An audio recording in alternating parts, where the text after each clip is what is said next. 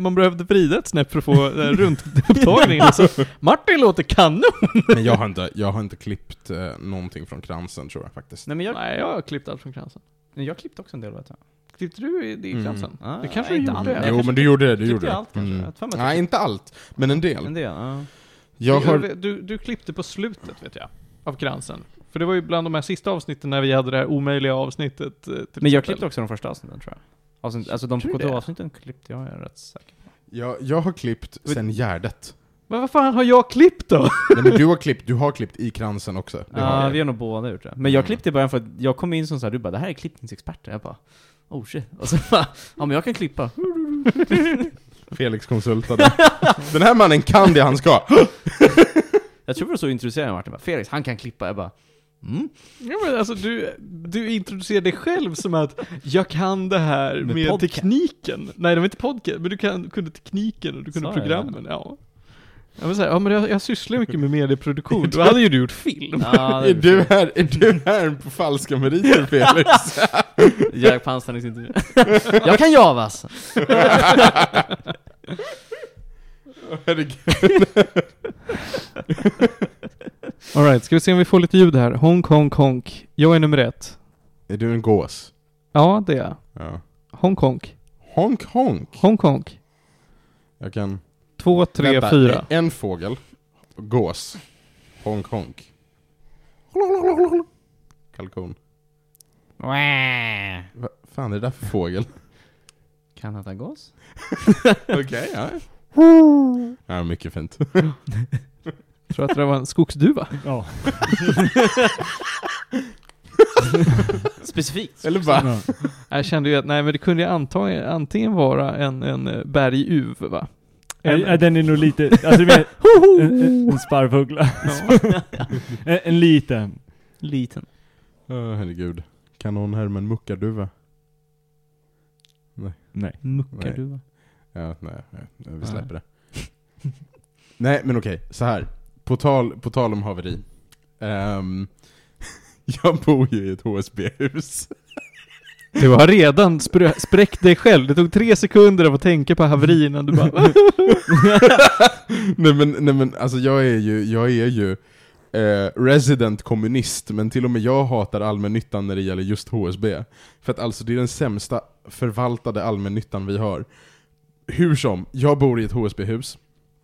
Eh, vi har en pågående fasadrenovering, för att på vintern blåser det rakt igenom huset. det är verkligen förfärligt. Då har de gjort någon sån här, då har de planerat någon sån här grej där de bara bygger på en till fasad utanför den existerande. Det är tydligen en etablerad teknik, jag har pratat med samhällsbyggare om det här och de säger att det är så, man, man gör så. Ja, det är, det är mycket billigare än att laga någonting. Man bara bygger på. De lägger på en vägg på Ja, väggen? det läggs, på stora isoleringsplattor och, och, utanpå, och sen gör man vägg på det. Och så är det liksom den nya fasaden. Så huset blir större? Lite, Det lite var sjukt. chonkigare. typ såhär 20 cm åt varje håll. Mm. Wow. Ja, så, så det håller vi på med just nu. Eh, och det började i november, och skulle vara klart i november. Snabbt. Ett år, för att det är en stor förening. Mm. Ehm, och nu har första huset av de tre husen har liksom fönster och fasad och puts, så nu ska de börja ta ner så här byggställningarna. Och såklart så pågår det saker i Facebookgruppen för föreningen. Fy fan vad det pågår grejer. Så för två veckor sedan, då kommer det upp någon liten tant som bor i det huset som håller på att bli klart, som har skrivit ett jättelångt inlägg, hon har skrivit en, en roman. Åh! Där hon är såhär, det här tänker jag skicka till HSB. Hur många vill skriva under? Och så har hon en sån här jättelång sån här med liksom, ja men det är bullar och det är folk i byggställningarna och våra fönster har varit intejpade i typ sex veckor så vi inte sett något dagsljus och det är kvavt och det är mögel i badrummen och du vet, alltså så här, för att det de gör såklart, det är också att de lägger på nya fönster utanpå de befintliga fönstren.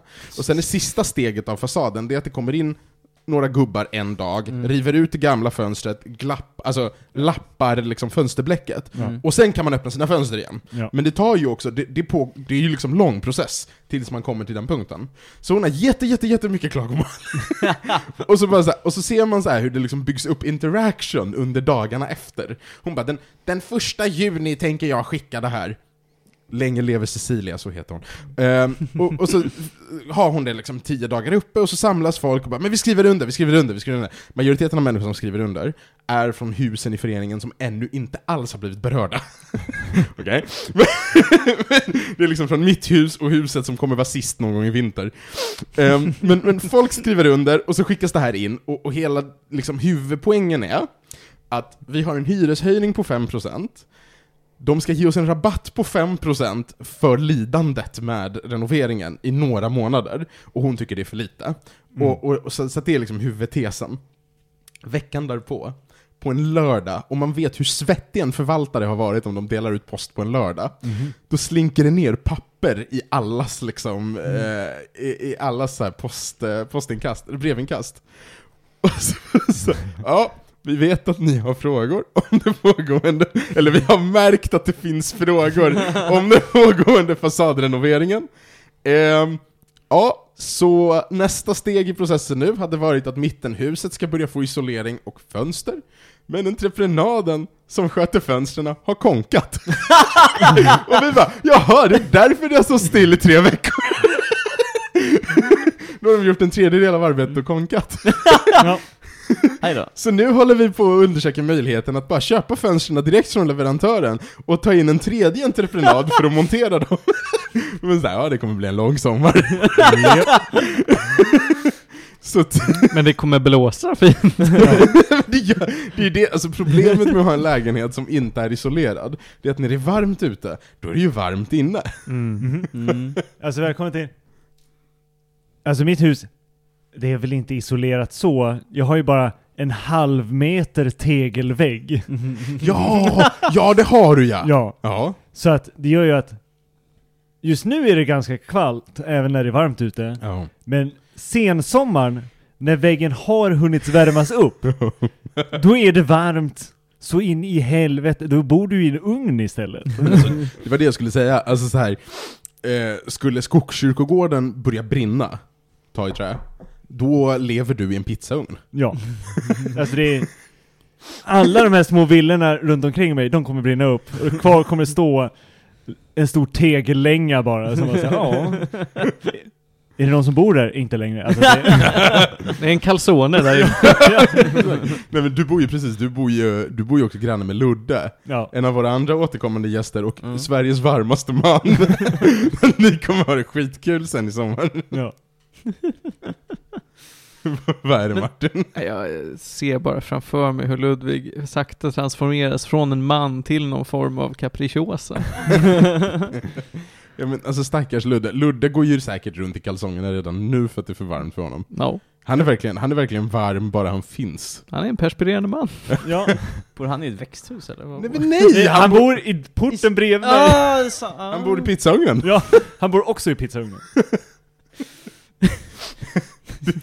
Det är någon, ni vet det här när man, när, när så här små barn som smälter leksaker med förstoringsglas. Mm. Det är liksom ni, men på stor skala. Ja.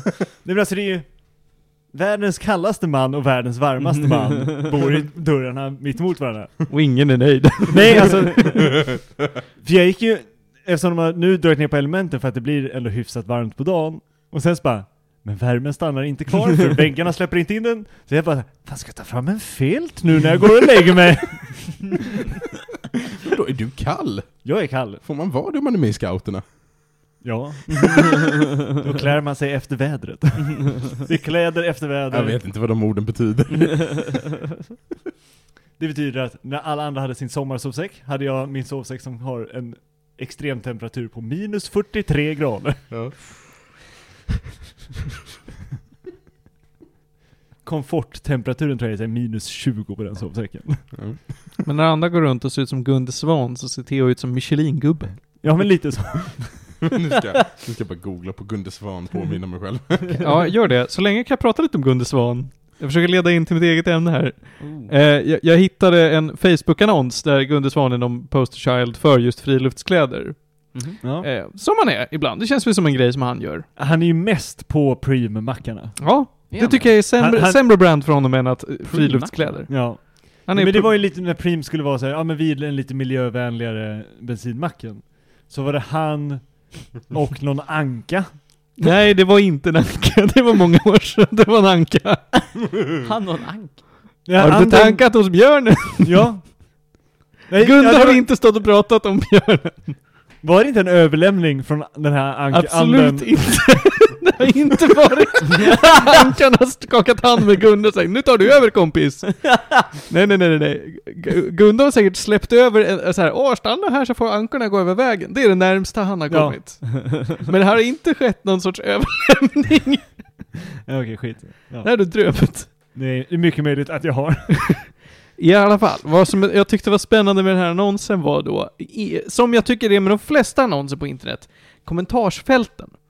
Därför att folk som tar sig tid att lämna en kommentar på en eh, internetannons på ett forum såsom Facebook, de har för mycket tid. Och för mycket tankar som de inte kan välja om de ska flytta på eller pränta ner, så de präntar ner allting. Toppkommentaren på detta är, alltså då är det alltid ett inlägg som säger typ ja men köp de här nya kläderna, eh, ser ut som Gunde. Då är det alltså någon som har kommenterat Heja Gunde! Friskt humör! Vilket jag redan där tycker är, det där kände du att du behövde få ut. Men då tror ni fan att det är någon som har svarat på den kommentaren och skrivit Det är du som susen gör.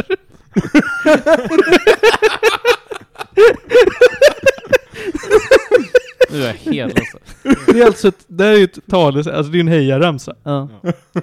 Så de kände, det här, för de här fri, friluftskläderna, åh, jag ser Gunde, bäst att heja på honom!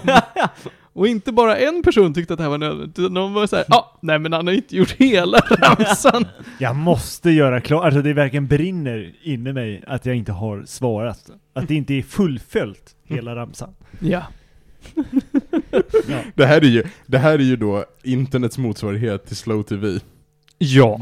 Eh, kommentarsfält till Facebook-reklam, det är ju, det är ju den lilla älgvandringen. Ja.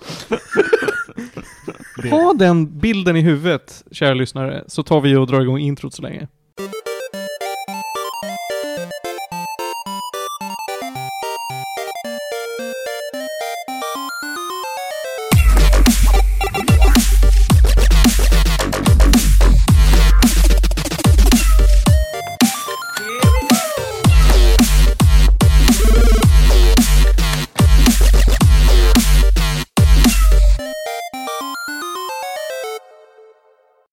Kära, kära vänner. Det är den 7 juni, avsnitt 114 av Medis Radio. Podcasten om all typ av möjlig fin och ful kultur.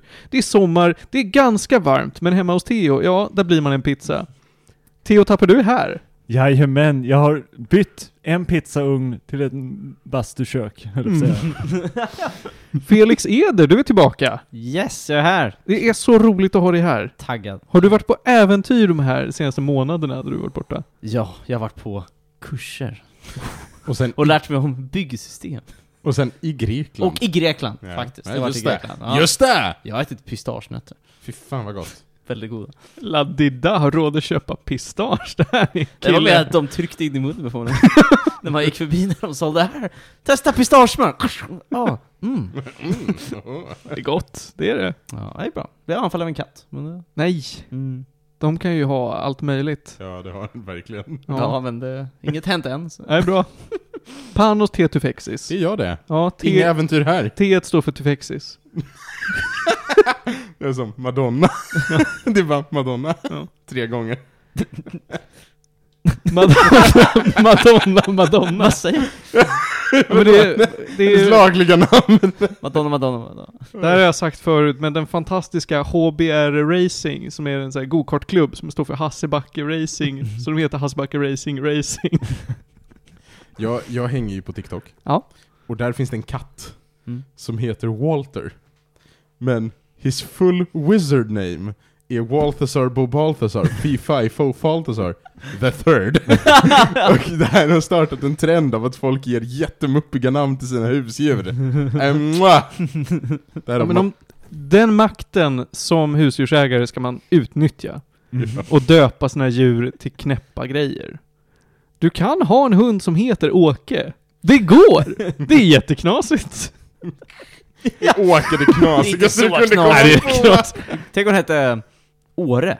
Ja, det, Men alltså, var, Oj, nu, varannan, nu, nu, nu, Det går ju inte! nej. det här, oj, oj. men alltså varannan tax på Södermalm heter ju Åke, det är ju det som är... Ja, ska vi... Ja. Nej alltså, vad, du- jag vill Nej. du, du pekar på Theo som att det är Theo som ska göra det. Vill du dra dagordningen Theo? Nej, alltså den har jag inte. Nej, du kan få den. Kör! Jag, jag tar den då. Ja. Oj. Ansvar. Oj. Eh, välkommen till avsnitt 114. För mycket ansvar. Står det här i någon ordning här? Ja, det som är högst upp. Det som Jaha. är högst upp är vad vi ska prata om idag. Inte idéer-biten som kommer sen. Nej, inte det. För lyssnarna så, alltså jag fick en, väl, en telefon med väldigt mycket text på och jag var såhär, vänta är det här, det här vet jag ingenting om. Men vi kommer prata om lite Spider-Man, Across the Spider-Verse, Du var och såg den igår Panos. Ja! Ja. Mm. The Dark Picture Anthology. Mm. Det Kommer har jag längtat efter. Eh, vi kommer hoppa tillbaka in i animeträsket och följa mina tidigare husmorstips från de som var här för Ja. ett tag sedan. Så jävla bra. Och eh, nu har jag då hoppat vidare till Bleach. Mm.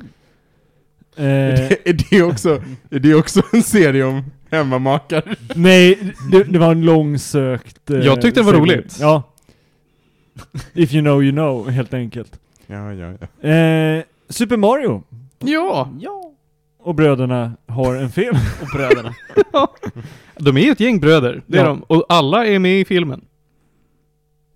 Det är sant. Och alla heter Mario efter dem va? Mm. Mm. Beroende på om Mario man... Mario. Luigi Mario. Ja. Madonna. ja, det måste de göra, för de är The Mario Brothers. Ja. Mm. Så det är korrekt. American Horror Story Ja! kommer vi snurra in oss på. Och när vi ändå är på skräckspåret så kommer vi hoppa in i Resident Evil 4. Yes! Jag antar det nya. Nej, det gamla. Den gamla. Jag blev klar.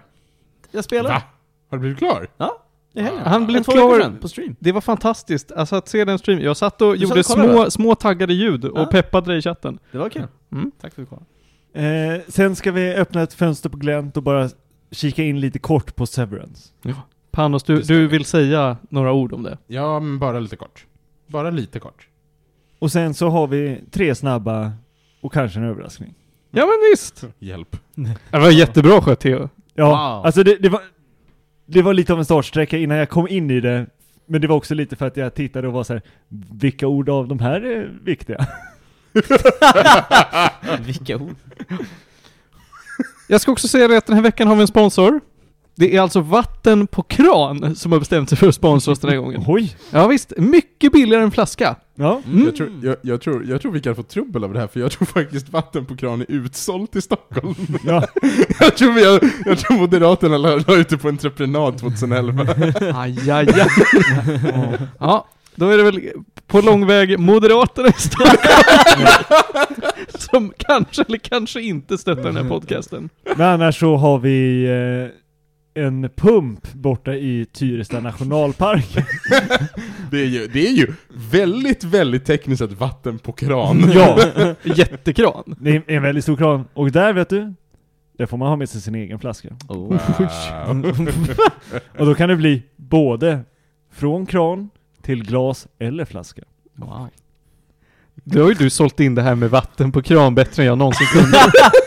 Vart sa du? Tyresta? Tyresta nationalpark. Kul. Där kan ni åka, dit kan ni åka. Det här är vandringspropaganda, är vad det är. Ja, Är du törstig, då har jag platsen för dig. ja.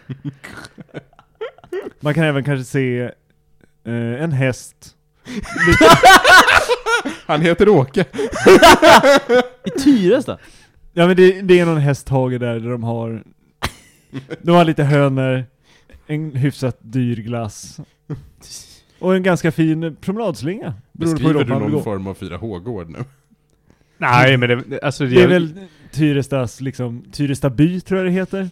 Där man kan gå och ta sig en fika efter sin promenad om man känner för det. Trevligt. Ja, Jag gillar Tyresta nationalpark. Det, den promenadslingan som finns, eller det är väl en hel vandringsled nästan. i- Ja, alltså det Det finns ju någon- både en så här, barnvagnsled och en, alltså, det finns flera. Det finns en urskogsled. Åh nej, pumpen vid Stensjödal är trasig. Ah, ja, blir ingen sådär med sponsringen. Nej, Ja, då det, skiter det, i det finns en he- hemlig, Hemlig. det finns en annan pump vid, eh, om man går till vänster. Det är som Will Be Blood, det finns en pump som pumpar vattnet. Från den andra pumpen. Ja, men en handpump, den vid Svartsjön, eh, vid Stensjön är eh, lite mer väl eh, trafikerad. Så jag kan förstå att det har varit lite slitage på den. Men eh, vi kanske ska gå Rätt till, icke! vi kanske ska gå till ämnet istället. Jag tror det. Jag har ju ingen segway mellan en pump i Tyresta till Spindelmannen. Så jag bara säger Panos. Men det finns väl spindlar i skogen? Ja det kanske gör, och kanske i den här pumpen, så var försiktiga när ni fyller er flaska. Och vet ni var det finns spindlar? I Across the Spider-Verse! Jag kan knappt vänta mig och fråga om den visuella upplevelsen. Oj! Men jag kommer att bita mig i läppen och säga Panos styr oss in i Spindelmannen. Nej men alltså, har ni alla sett Into the Spider-Verse? Ja. Ja. Ja. Ja. Du och jag, Martin, jag pekar på Martin, eh, var och såg den på, i 3D, på bio. Och det var ju svårt. Ja, det var eh, inte en fröjd för ögat. Det var var, tufft. det var tufft alltså. Mycket tufft. Mm. Men innehållet i filmen, eh, mwah. Ja, kanon. Ja men rolig! Visst är det? Charmig! Jag, med jag påstå. såg den efterhand, och jag minns också, gud det här var riktigt bra. Alltså, alltså jag såg Ja. den bara hemma, men... Jag vet. Ja. Men den är bättre att se hemma. Det, alltså, det, det var, eller så här, skulle man se den på bio skulle man inte se den i 3D. Mm. Det, det var ju det vi kom fram till då också. Mm. Ehm, riktig jävla toppenfilm. Kalasfilm, Into the Spider-Verse. Eh, den typen av Spider-Man-film folk som har kollat på animerade Spider-Man som barn vill ha. Mm. Eh, den typen av Spider-Man-film som folk som läser serierna typ vill ha. Den typen av Spider-Man-film som inte är vad live-action-filmerna har varit. Den- Inte för att skita på Sam Raimi, men han är världens värsta regissör. Nej! Nej men så här, han gör sitt bästa. Men, men, men Into the Spider-Verse, helt annan nivå. Across the Spider-Verse, mycket bättre. Bättre? Jaså? Alltså verkligen. Är det på alla sätt bättre? Så här, jag har inte sett den i 3D, Nej. så jag vet inte om den orsakar sjösjuka på samma sätt. Men i 2D på bio var den urvacker. Mm. Jättebra ljuddesign fortsatt, jättebra musiksättning fortsatt, jättebra röster, trots att vissa är lite mer röstskådis, liksom profilerade röster, och andra är faktiska filmskådisar. Mm. Fortfarande superbra performances all along. Två och en halv timmar av jättebra tempo! Jättebra tempo! Mm. Lite interaktioner, lite story, lite action. Ja. Lite interaktioner, lite story, lite action. Låter himla dyrt det här måste jag säga. Jättedyrt. Ja. För oss och för dem. Ja. Tempo... Du? Nej, nej, nej. Två och en halv timme. Ja men tempo animation. som att det känns som att det går väldigt snabbt, eller som att du märker inte att det är segt, det bara, det flyger, film bara flyger fram liksom. Nej men så här, förutom, förutom ett ställe så vill jag ändå säga att varken storydelarna eller actiondelarna kändes någonsin för långa eller för korta. Mm. På ett ställe var det en actionsekvens som var ganska lång, och då anade man att okej, men det här är typ filmens klimax. Mm. Eh, och då accepterar man det och går vidare. Men i övrigt var det verkligen välpejsat. Det var så här. nu ändras tempot lite. Ja. Och så men alltså man det, för det viktiga är ju att en film har så här. den flyter på bra, Mm. men den låter långsamma scener landa. Så man säger oj det här, nu tog jag emot det här, och nu kan vi fortsätta. Man vill liksom, ibland behövs det tid att bara få in information och sen gå vidare. Mm, mm, Mm. mm. Och många filmer, antingen så har de okej tempo, kommer till en sån här långsam del, och sen vet de inte hur de ska ta sig därifrån. Mm. Och så börjar den släpa istället. För det går för långsamt till att få upp tempot igen. Mm. Eller så låter man ingen scen landa någonsin utan det bara maler på och så tappar man intresset istället för man blir aldrig liksom den får inte klona i en på samma sätt utan man Mm. bara säger ja men det var väl vackert men jag vet inte riktigt vad det här handlade om. Och, och, och speciellt, speciellt när du kollar på tecknat, där du, Mm. du kan inte heller så här lägga tid på att fokusera på skådespelarnas konststycke. Alltså du vet så här, Ja, det är inte som att, alltså, man kan inte riktigt bli hänförd av mimik i tio minuter på samma sätt. Mm. nej. Utan det kan vara skitsnyggt, men det, det kan inte kompensera hela vägen, tycker jag. Mm. Nej. Men för det är ju, du får in den informationen enklare, för du vet att men någon har antingen med dator eller så här, Mm. någon har animerat det här. Mm. det vet du redan innan du sätter dig ner. Mm. Medan när du ser något som är live action kan du istället vara såhär, oh, hur, hur löste de det där? Ja. Och då kan du fylla ut tiden så att säga på ett annat sätt för att du, di, dina tankar kan göra annat arbete. Mm. Till en viss grad. Mm. Nej men, den här filmen, den, den gör det den ska. Det är mer angående Miles och hans kamp med att hantera identiteten som superhjälte. Det är mer Spider-Gwen. Mm. Eh, Har man sett ganska mycket av i trailern också, så, så mycket vågar jag säga. Det är jättemycket spindlar! Det är så jävla mycket spindlar. Okej. Det är så jävla mycket spindlar. Alltså djuret spindel? Nej, Nej. Nej. superhjälten spindel. Ja. Eh, eh, har man spelat Marvel Spider-Man och låst upp alla de här extra kostymerna, Mm. då kommer man känna igen så jävla mycket varianter. Där man bara såhär, här har någon tänkt efter. Det absolut mest fantastiska, den här får ni, den får ni ta, det är att vid ett tillfälle dyker Insomniacs Spider-Man upp som variant. Ja, det är Kul! Ehm, vet ni vad? Uppriktigt talat, en skitkul superhjältefilm. Och också så här, en av de första grejerna jag såg i diskursen efter att jag gått ut ur salongen, det är att det är en enorm sorg att den aldrig någonsin kommer vara nominerad för en riktig Oscars, för det borde den typ vara. Mm. För den är riktigt väl ljuddesignad, den är väl skådespelad, den är väl skriven. Mm. Eh, och för att den är tecknad tycker akademin att det är barnfilm. Så att, så kommer det vara. Mm. Den är lite, lite, lite predictable. I att den är väldigt klassisk i vad Spider-Man har för ehm, ja, men, eh, motiv och prioriteringar. Och Spider-Man är en genomgod hjälte som tycker att vissa saker ska vara på ett visst sätt. Och så är plotten och den trycker dig i facet på dig. Och du vet typ vad du kommer få ur Ja. den aspekten. Det görs ändå snyggt. Dialogen är fin och naturlig. Alltså det, ja. Kan du berätta lite mer om storyn? Jag skulle vilja höra lite om vad den handlar om. Vill du verkligen det? Ja, Men jag vill höra lite Vill grann ändå. det? Ja, men jag vill, alltså jag... För, dra in mig med, med liksom en plot hook. Mm. Miles Morales är väldigt, väldigt ensam. Ja. Tills det en dag visar sig att han absolut inte behöver vara ensam. För att alla hans kompisar från den första filmen, de är där ute. Mm. Det är det du får. All right. Du kan inte få något mer. Och det, de går på äventyr. Kanske. Ja. Potentiellt. Visst stämmer dock att det här är ju en första delfilm, eller hur? Ja. Det är liksom del ett av en Ja, större nej. grej, som med typ Doom-filmen. Det är precis det som är grejen va? Grejen är att filmen slutar på ett ställe, Ja. och så bara ja, Miles Morales kommer tillbaka i Beyond the Spider-Verse 2024. Okej, nästa år Nästa alltså. film. Mm. Mm. Ehm, verkligheten är att hade man inte planerat för en till film, Mm. hade filmen kunnat vara en halvtimme längre och faktiskt avslutat storyn. De hade nog kunnat gjort det. Ja. Jag är inte sur på det här nödvändigtvis. Mhm. Jag hade gillat att ha den förväntningen från början, men jag är nöjd med att vi får mer, för det är väldigt välproducerat. Mm.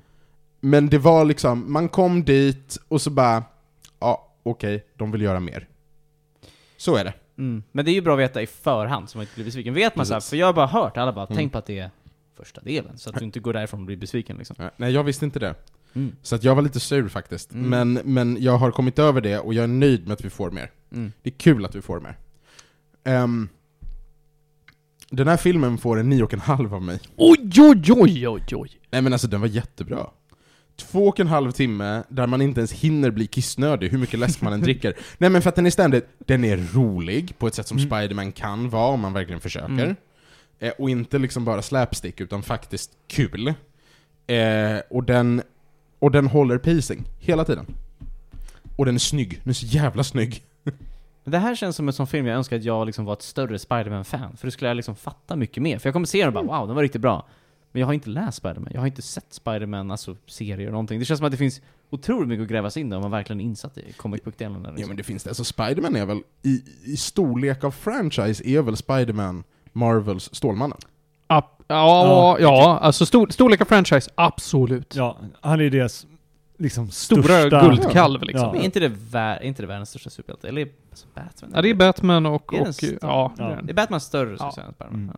Men det, alltså det går ju lite vågor när det Nu känns det som Spiderman. de, Det är ju sällan de konkurrerar med varandra samtidigt, Ja. utan ibland så, så här, ja men nu är det lågsäsong för Spiderman, då kommer Batman in och tar hela publiken.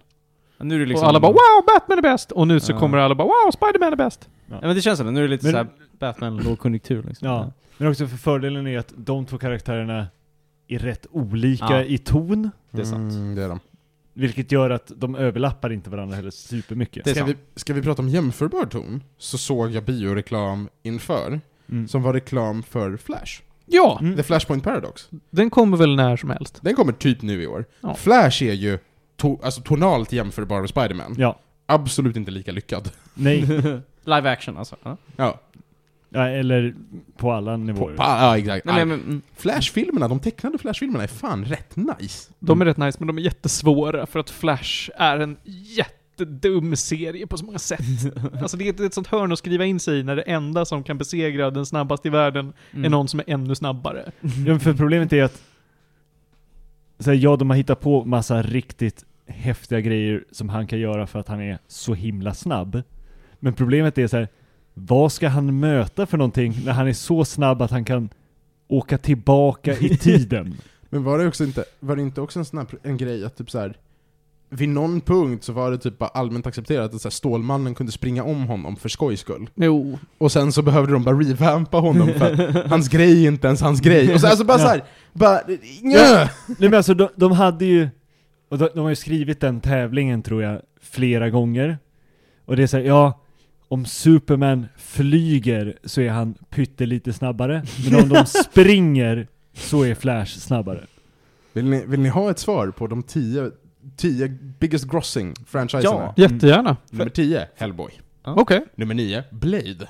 Ja, Bra kul. franchise. Kul. Bra franchise. Bra franchise. pratar vi superhero co- Ja, superhero franchise. Nummer 8, Tonårsmutant Ninja Paddor. Ja, eh, nummer 7, Hulken.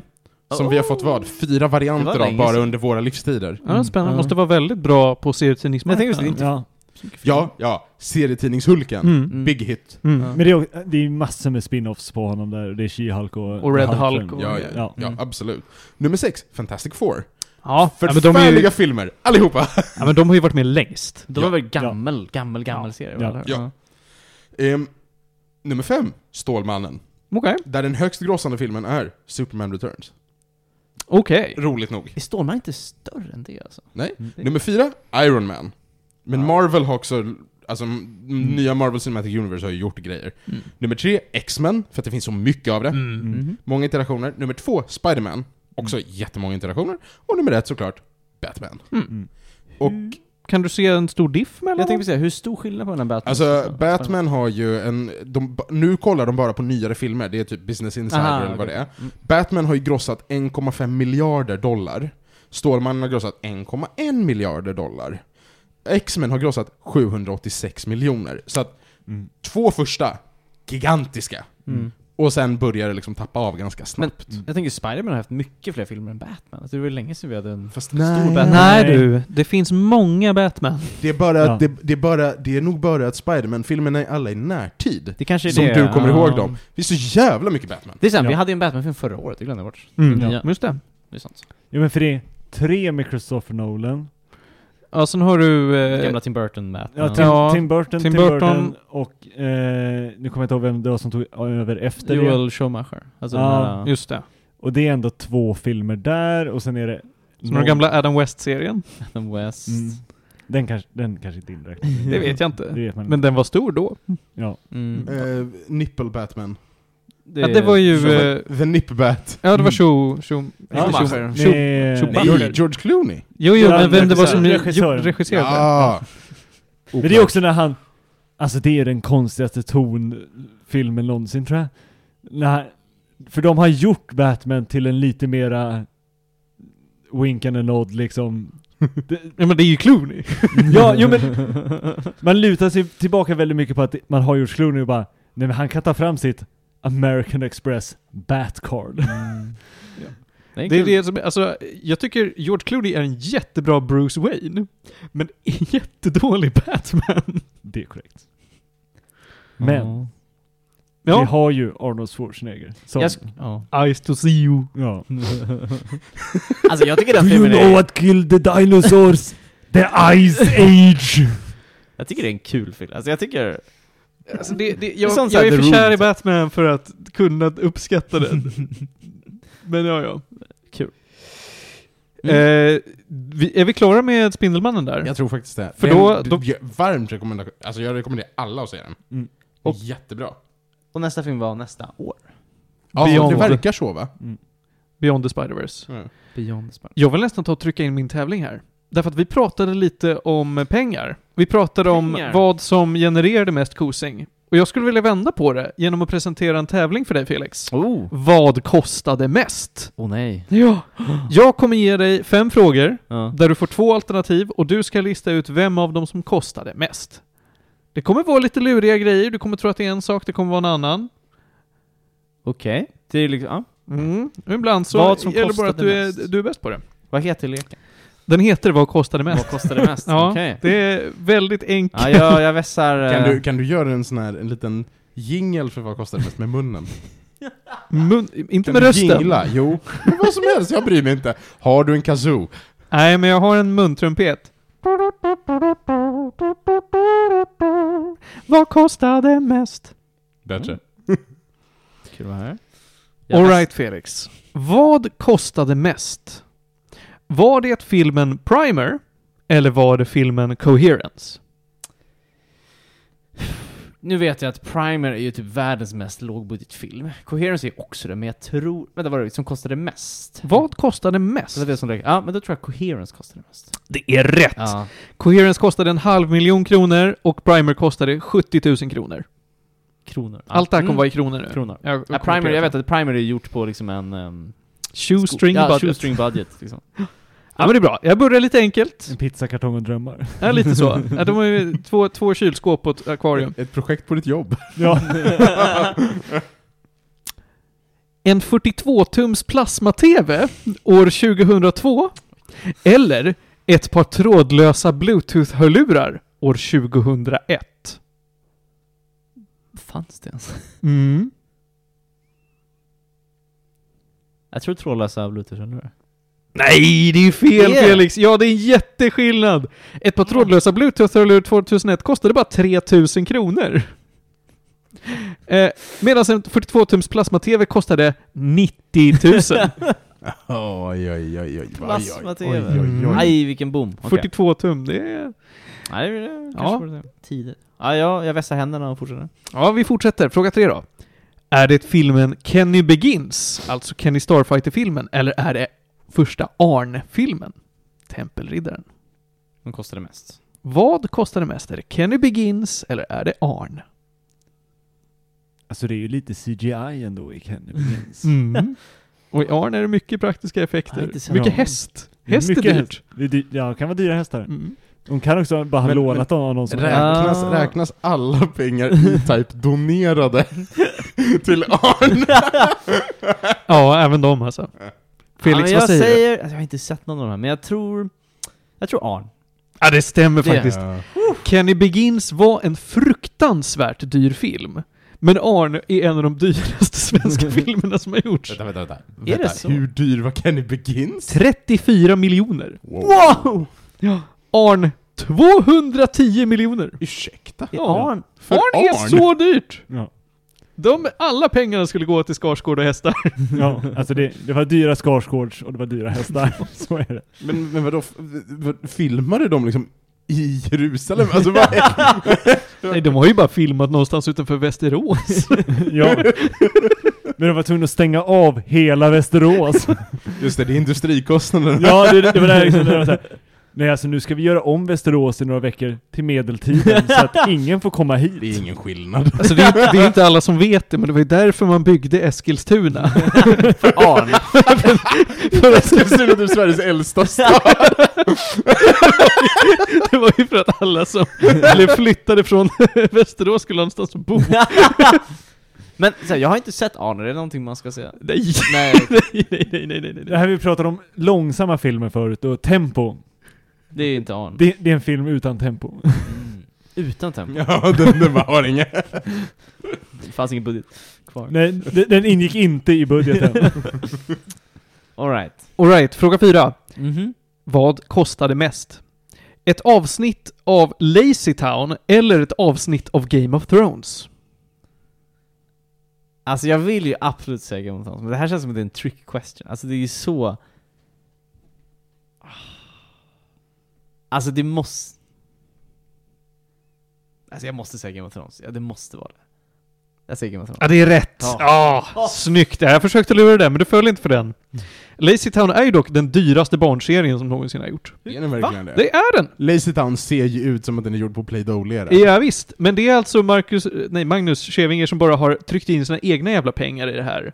För att han är någon sorts mångmiljonär på att ha gjort det här som en traveling roadshow. Lazy Town. Lazy Town, ja. Alltså den här serien med, det ser verkligen ut som det är gjort med Play-Doh och ett gäng eh, handdockor. Vilket det också är, men det var tydligen sjukt dyrt. Men alltså stop motion är ganska dyrt. Ja. Nej, det är inte så mycket stop Det motion. är inte stop motion. Nej, Är det inte? nej, det är inte stop motion alls. piss. Det är, det är riktiga bara, människor. det är bara handdockor och lite coola ljuseffekter ibland. Men det ser ju fortfarande rätt shitty ut. Ja, men, men var kommer leran ifrån? Jag, jag har Det inte är, sett alltså, det är all, eh, googla fram det, men det är all, all setting. Alltså, eh, Alltså han sitter och skulpterar, han skulpterar liksom backgroundsen och Ja. sen kör han handdockor i. Ja, det gör det. Och då är det alltså, alltså det är som muppar. Det är olika personer som står med båda händerna och gör liksom human-sized handdockor. Ja, då har han bara en väldigt dyr handmodell. Ja, ja, ja. Det, är, alltså det, det är inte en, en budget som jag tycker man kan motivera. Vill ni gissa hur mycket ett avsnitt av Lazy Town, det blev 62 totalt tror jag, kostade? Nej, ingen aning. Eh, 10 miljoner? Nej, det är 11, eh, det är 11 miljoner. Oh. Mm, ska- 11 På, miljoner. på tal om dyra handdockor. Mm. Förlåt. Det schweiziska klockbolaget Oris, som har funnits i 120 år, har för tillfället ett samarbete med Mupparna. Så man kan köpa en av deras klockor i en Kermit edition. Den är alltså skrikgrön och första dagen i månaden, så istället för en etta så är det en liten, liten Kermit. Kostar 50 000. för då har Kermit på Jag säger, äh, okej. Det här känns ju som att Brad Pitt köper till sina barn. Ja. Eh, men du har helt rätt i att Game of Thrones kostade ju faktiskt mer. Det snittade på 62 miljoner per avsnitt. Mm, mm. Usch. Alltså kronor, kronor. Kronor. Ja, just ja, kronor. för Allt är kronor. De, de hade ju också, Ja, de, hade, de hade ju vad, sista säsongen hade väl en budget på 10 miljoner kronor per avsnitt eller något? Nja... Mm. 10 Nej. miljoner, nej 10 miljoner dollar. Dollar. Dollar ja. Ja. dollar är det. Ja. Så det är därför, man- om man eller ut 10 det. eller, ja. Mm. Den sista var sjukt dyr. Mm. Sen serier som är dyra, jag tror att faktiskt Stranger Things också är uppe där och snuddar. Jag har hört att det Ja. är också otroligt dyrt. Men alltså, sen, det märktes ju på storyn i Game of Thrones, men att vi, här, vi vill göra dyra coola grejer, och sen så bara, avsnitten är så dyra så vi får göra färre avsnitt. Mm. Vilket in, utan att kompensera för då att vi får mindre screen time för storyn. Ja, nej, det var ju konstigt. Okej. De absolut dyraste av, de absolut dyraste serierna. Per avsnitt. Nu vet jag inte om du borde spoila här, för jag har en fråga kvar. Okej. Ja. Mm, Eh, jag. Ja, det är lugnt egentligen, men jag vill ändå köra färdigt tävlingen. Ja, ja, det är den femte Ja, jo. frågan. Felix, Mm. vad kostade mest? Mm. Nya Karolinska sjukhuset? Eller att finansiera Zambia i ett år? Det vill säga Zambias årliga statsbudget. Karolinska. Det är ungefär åtta gånger. Det, det, som är, det som är orättvist här är att Karolinska är budgeterat för 20 års underhåll. Det är alltså Ah. årskostnaden är ju inte detsamma som Zambia. Nej, det- här är ju inte årskostnad, det här är projektkostnad. Ja. Ja. Eh, på 57 miljarder! Hur kan det Mm. vara så dyrt? Och Zambia har en statsbudget på 7,5 miljard. ja men alltså det är ju den dyraste byggnaden i världen. Är det i Ja. världen? Ja, ja, ja, med stora marginaler. Ja, alltså den är liksom Börs Dubai och hela, hela skiten så bara Nej men Karolinska! Ja, nej, men det, är- det är så mycket dyrare. Att Ja. byta en dörr kostade en och en halv miljard. Miljon. Miljon. Men det var också, miljon, inte- miljon, men det var, inte, det, var inte, det var inte en dörr som skulle bytas, det var en lång rad av sådana dörrar som skulle bytas. Ja, alltså det, och det, mm. Folk gjorde bort sig. Nej. BCG gjorde väl. nu är tävlingen över. Jag tycker ändå att du var duktig. Det var Ja. fyra av fem rätt tror jag. Fyra av fem. Mycket bra. Jättebra. Nu Panos, berätta om dyra serier. Vilken är den dyraste? Okej, Ska vi börja nerifrån eller uppifrån? Ah, ner. Okej, tionde plats. The Crown. Ja, men det har 13, jag. okej. 13 miljoner dollar. Okej. Dyrt. Mm. Ja, mm, mm. Nummer 9. Game of Thrones. 15 miljoner dollar. Nio. Det är, den dyraste, det är det dyraste avsnittet. Nu är du på Ja. dollar va? Nu Ja, pratar du per dollar. avsnitt. Ja. Per, Per, dollar. per dollar. avsnitt per Ja. dyraste Men avsnitt. nu, Ja, nu har du ja, också valt det dyraste avsnittet. Nummer 8. Ja. Sea. Någon Apple TV-produktion. 15 miljoner. Ja, det tar sig. The Mandalorian. 15 miljoner. Plats Okej, sju. ja. Mm. The Pacific. Oh! Plats 6. Den står- 20 miljoner per avsnitt. Oj, oj, oj. Inte. Pow. Plats 5. House of the Dragons. Oh. 20 miljoner per avsnitt. Säga. Plats 4. WandaVision. 25 miljoner per avsnitt. Åh, herregud. Plats 3. Stranger Things. Tre på Stranger Things. 30 miljoner Vad per kommer avsnitt. slå det här nu i frågan? Plats 2. Citadel. Vad är det? Citadel? Vad är det? Inte? Citadel är någon, det är någon serie jag har sett reklam för, den kom ut i år. Någonting om spioner, någonting. Vem producerar den? Typ, Det är, det är antingen app, nej det är Prime, det är Prime, det är Amazon. Prime. 50 miljoner per avsnitt.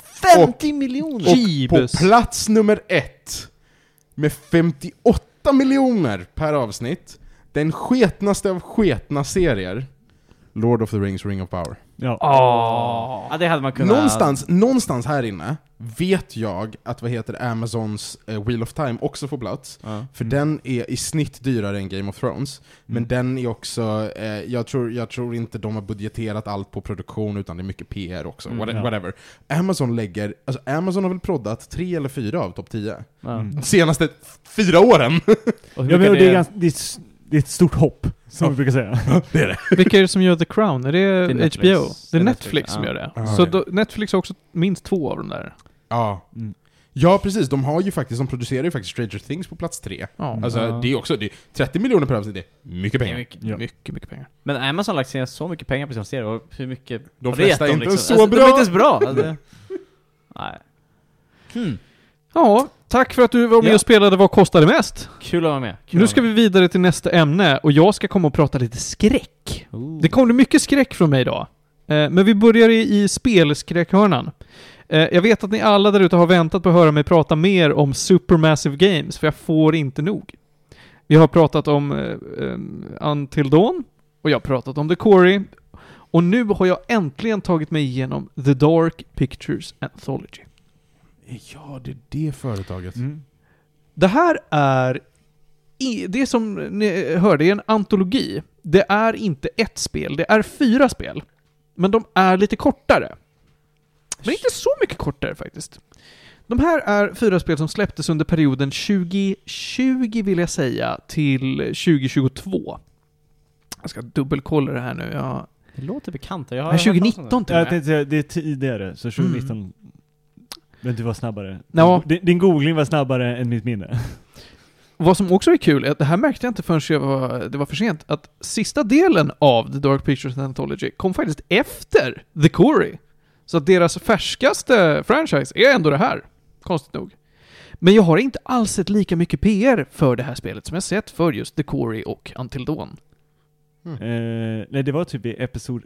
Eller inte episod, men alltså... du kan kalla det episod om du vill. Ja, nej men alltså Chapter 1 och, eller Installment tror jag de kallade det för när det var reklam för det. Installment 1 och Installment 2.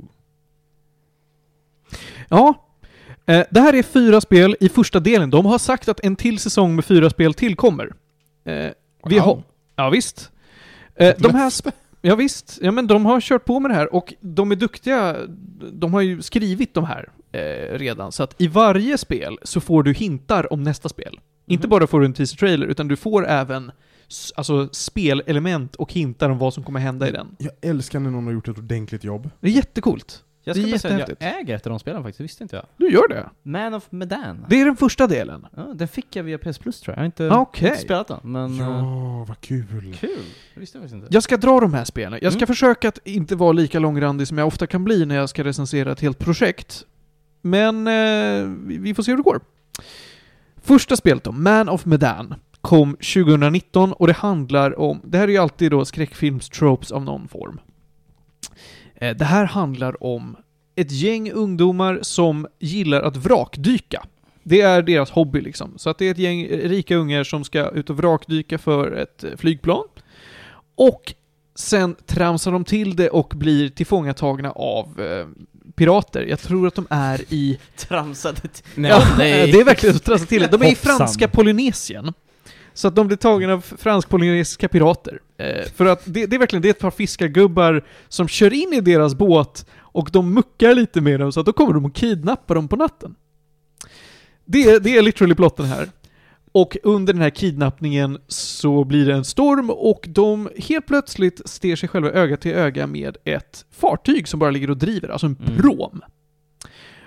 Och de kliver ombord på den här promen därför att de vill undersöka och se om de kan få lite hjälp för att de har haft sönder sin båt. Och det händer spooky shit. Eh, I rollerna här så har vi inte överdrivet mycket kända människor, men de brukar alltid skryta med att ah, men det är någon stor per Mm. spel. Och den stora här, det är Sean Ashmore. Ja, det... Han har spelat Iceman i X-Men. Åh, han! Ja! Han har varit Nej, men med jag och... känner igen hans ansikte. Ja, ja men alltså han ser ju ut som... eh, Alltså i filmerna? Aaron Ashmore, hans bror.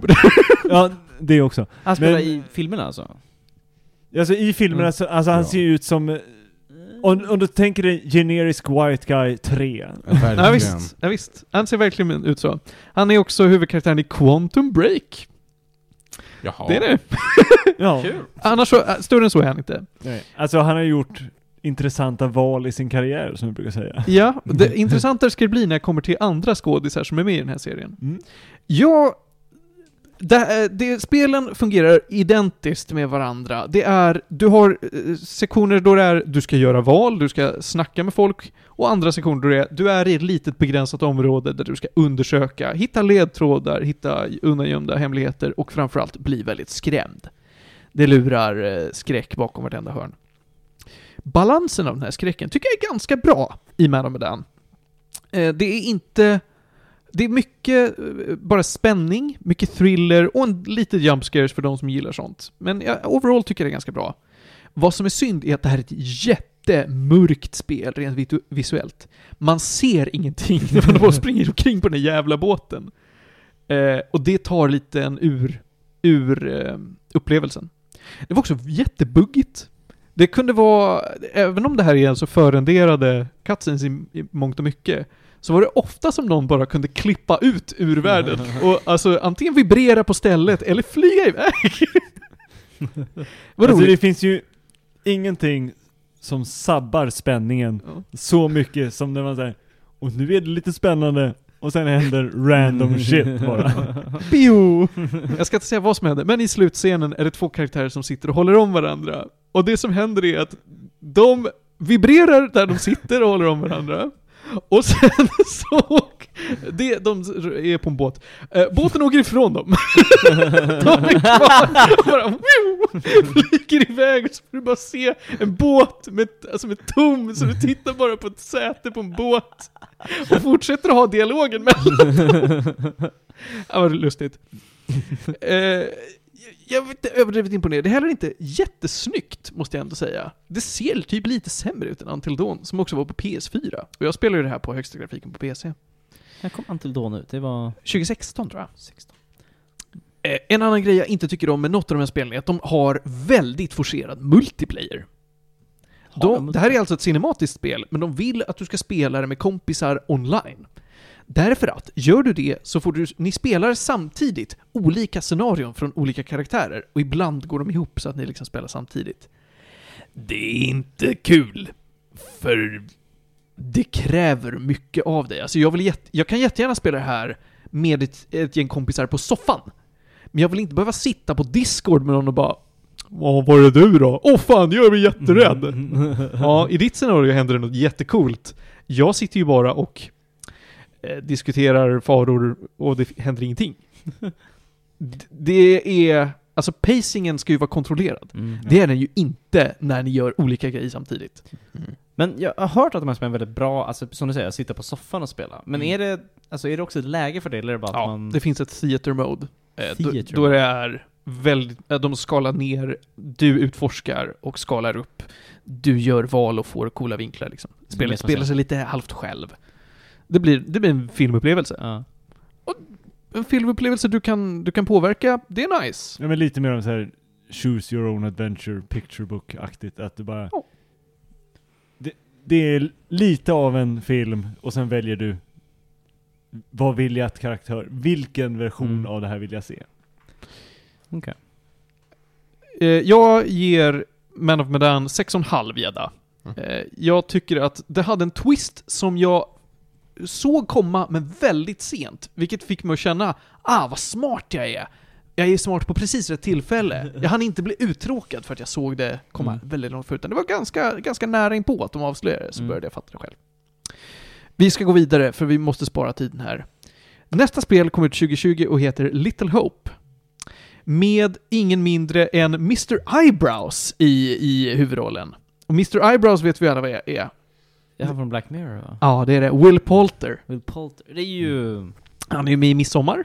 Han är med i... eh, i Maze Runner? Maze Runner, tack. Jaha.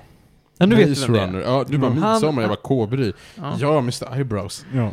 Eh, vilket han hatar när man kallar honom. Men han har väldigt säregna ögonbryn. ja, alltså det finns ett jätteroligt klipp då han själv googlar The guy with the eyebrows och bara Varför är jag fortfarande resultat nummer ett när man gör det här?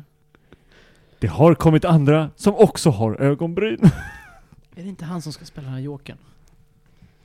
Ska han spela Jokern? Nej men snälla för nån. att... Det vet jag fan om jag tycker han ska göra. Han har ju ögonbrynen före. Jag kanske hittar på det där, jag vet inte. Googlar du så ska jag berätta om Little Hope så säg länge. att han inte ska spela Jokern. Little Hope eh, utspelar sig... Vi får se en prequel-historia med en familj på 70-talet. Eh, en familj där alla dör i en brand. Och med det här tror jag att om jag har spelat där eller om jag har suttit med någon, för det här har jag med, för det är en buss samtidigt va? Ja, det är det. Ja, okej. Ja. Eh, sorry, jag blandade upp dem med eh, Barry Cogan. Här är nya Jokern. Han är ju också en herre med ögonbryn. Ja, jag skulle säga ja. Ja. andra ögonbryn, men... Ja, eh, han ser ju mer ut som någon som skulle ska kunna... Barry Kugan... Va? ja, ja, men alltså, han, ska, han, han är Jokern. V- Var? Alltså i... ehm, I Dunkirk. i Jo- Jokern i Dan... Nej men i alltså Bruce, vad heter han? Jokern i eh, Rederiet. Pattinsons Batman. Jaha. Nästa Batman ska han vara. Kul. Ja. Tillbaka till Little Hope. En familj dör tragiskt i en stor brand på 70-talet. Vi hoppar sedan fram i tiden till att se identiska karaktärer eh, ha överlevt en busskrasch. Den här bussen skulle gått till en stad men har behövt ledas om på grund av en trafikolycka så att de måste åka genom den lilla staden Little Hope, som verkligen är en by in the middle of nowhere. De är lite kända för att de har hållit på med häxbränningar, vilket är te- skräcktemat för det här spelet.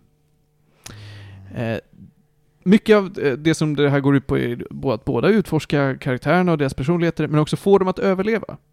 Det är inte lätt i Little Hope. Det är väldigt mycket som vill ha ihjäl det här. Det är lite Silent Hills-feeling. Silent Hill-feeling på det här, Kul. måste jag ändå Mm. säga. Eh, och det som är intressant att prata om här är hur är skräcken och hur är storyn? Alla de här spelen spelar ju fortfarande identiskt med varandra. Eh, det här spelet är inte alls bra. Därför att 90% av all skräck kommer från jump scares. Mhm. Och jump scares då det verkligen är något i ditt ansikte som kommer lite utan förvarning. Och det, man blir ju bara arg på det. Det är billigt, det är inte... Alltså det, det återanvänds ju så att även den som tycker att jump scares kan vara kul blir, kommer ju bli trött på det. Och det känns omotiverat. Det känns som att det har varit helt olika utvecklarteam med alla de här spelen, ska sägas. Är det samma studio då? Som. Det är samma studio, men jag vet Mm. inte om det är samma gäng eh, som har jobbat på dem parallellt. Dock ska jag säga att jag tyckte inte alls om min upplevelse med det här. Det är typ fem timmar långt. Eh, det är lite kortare, men med den tror jag var sex. Mm. Men det här spelet hade en fantastisk twist på slutet som jag inte alls såg komma och som jag var så imponerad av att det fick betyget att gå upp. För om jag, även om jag avskydde hela tiden jag spelade det, så på slutet så lutade jag mig ändå tillbaka och bara oh, smart! Därför hamnar det på sex gäddor blankt. Kan man komma över de förbaskade jump scaresen så finns det ändå en bra plott där. eh, karaktärerna är, pratar också, alltså det, det är, dialogen är värdelös. Mhm. Värdelös. Det är som att, att eh, alltså det är Oblivion. Det är Oblivion-dialog. Have you heard of the High Elves? Men alltså, för det jag kommer ihåg från, för jag har bara... Jag spelade husbranden, den biten tyckte jag var okej. ja, det var bra. Men det är också setupen. Och sen så... Bussen krockade. Eh, Man snackade någonting på bussen också innan den krockade tror jag. Du pratar med, han pratar med en polis, men det händer innan. Jaha, ja, Eh, men, mm. Hur så? Jag för mig att det var någonting innan på bussen, men... Nej, de, alltså när bussen har kraschat så står de och argumenterar i evigheter. Ja, det var också... Vissa av de här karaktärerna... Alltså jag var såhär, "Nej, men det är okej om du dör. Ja, gud ja. För att de pratar så illa eh, med och om varandra, så man tycker inte om dem. Nej, alltså det var verkligen såhär... Nej men ska inte du bara gå ut i fältet själv? ska vi inte ta, ska vi ta det beslutet att såhär, nej men vi splittrar gruppen och du går åt ett håll. Ja, Det, eh, det, det var lite den känslan jag kommer ihåg, och där någonstans gav jag lite upp. Det är okej. Jag tror inte att du hade mäktat med alla jump scares. Nej, skräck är inte riktigt heller min grej, men någon hade rekommenderat, troligtvis då för att twisten var så bra. För de var så den här borde du testa. Och efter att du har berättat det och jag fick lite flashbacks till det här så var jag så här, ja nej men, ja nej det var dåligt. Vi hoppar vidare till nästa spel nu. Och det är då eh, House of Ashes. Som är det minst läskiga spelet av dem alla. Det känns verkligen som att det är ett helt annat team som jobbar på en annan tidsålder. Det har, det, alltså det har så lite att göra med de andra spelen. Men det är det jag tycker är klart bäst. I huvudrollen ser vi ingen mindre än Ashley Tisdale. Det vill säga Sharpay Evans i High School Musical. Wow! Wow. Hon gör ett helt okej jobb. Eh, det är ingen som gör någon fantastisk insats, men jag tycker ändå att hon, hon funkar rätt bra som hårdnackad militär. Oh. Därför att det här utspelar sig i Irak efter att, precis efter att man har lönnmördat Saddam Hussein. Wow. Okej. Du, har, du flyger in med ett, eh, en specialstyrka i hans palats eh, och eh, är så här, nej men vi ska, vi ska rensa upp lite grejer. Eh, Ashley Tisdales man, som är så här, de har typ skilt sig, är, jobbar här och det är mycket deras relation med varandra och hon har också en ny relation med en av sina truppsoldater. Eh, samtidigt får vi också följa en man på den irakiska sidan, alltså en irakisk militant som precis kommit hem och bara Tjena familjen, vi förlorade kriget, nu kan jag äntligen lägga tid på att vara min familj. Och så kommer det en bil och säger Tjena grabben, om inte du kommer ut och krigar lite, lite till mot de här specialstyrkorna så dödar vi dig. Det är väldigt bra plot hooks. Ja, Det är det. Det är, Alltså- det är jättespännande. Men det låter också mer som en så, här, drama-thriller. Ja, det låter inte så skräck. Nej. Tills det blir så att planen för amerikanerna är Tills det att kommer en mumie. Eh, jag, skulle nog, jag skulle snarare säga att det här är Event Horizon. Event Horizon? Event Oh. Horizon blandat med Mumien. Ja, okej. ja. Oh. Ja. Ja, nej men alltså det här... Vi får spela... Nej, jag skiter i prologen nu. Jag, de ska, eh, allegedly då, det här är ju 2002, 3, nå, någonstans där. Eh, de ska in och eh, secure, eller säkra ett, ett, vad de tror är ett eh, labb, ett underjordiskt labb som producerar vapen. Eh, och när de tar sig dit så blir det en jordbävning och marken rämnar under dem och de ramlar ner i ett underjordiskt tempel och måste alla ta sig ut. Och de är inte ensamma där nere. Q, Event Horizon och. Mumien. Ja. Wow. Det är väldigt lite skräck, det är väldigt lite så här jump scares, det är mycket bara spänning och thriller. Du får se monstren en hel del, men det är ju framförallt att de är så mäktiga och du är så omäktig, trots att du är en militär som springer omkring med vapen. Du får också spela Ja, men det är en- lite Alien. Ja, lite Alien är det. Jag skulle nog säga Aliens är en Ja. stark contender för det här. Mm. Mycket, ja jag skulle nog säga att, det, vet I du vad? liksom... Aliens och Mumien är nog bättre än att säga Event Horizon. Mm. Eller låna lite. Men aliens, det är så, ändå ganska mycket monster. eller? Väldigt mycket monster. Okej, okej. Alltså det kommer vara tusentals. Mm. Eh, du får också spela det här spelet i ett annat perspektiv än de tidigare. Nu är det väldigt mycket over the shoulder Resident Evil Remake-stilen på det. Alltså du går runt med ficklampor och eh, automatgevär. Du kan inte skjuta det, men det är så du, det är det Mm. perspektiv du har. Vilket funkar mycket bättre i den här settingen. Hade de haft det vanliga, då hade jag inte varit lika investerad.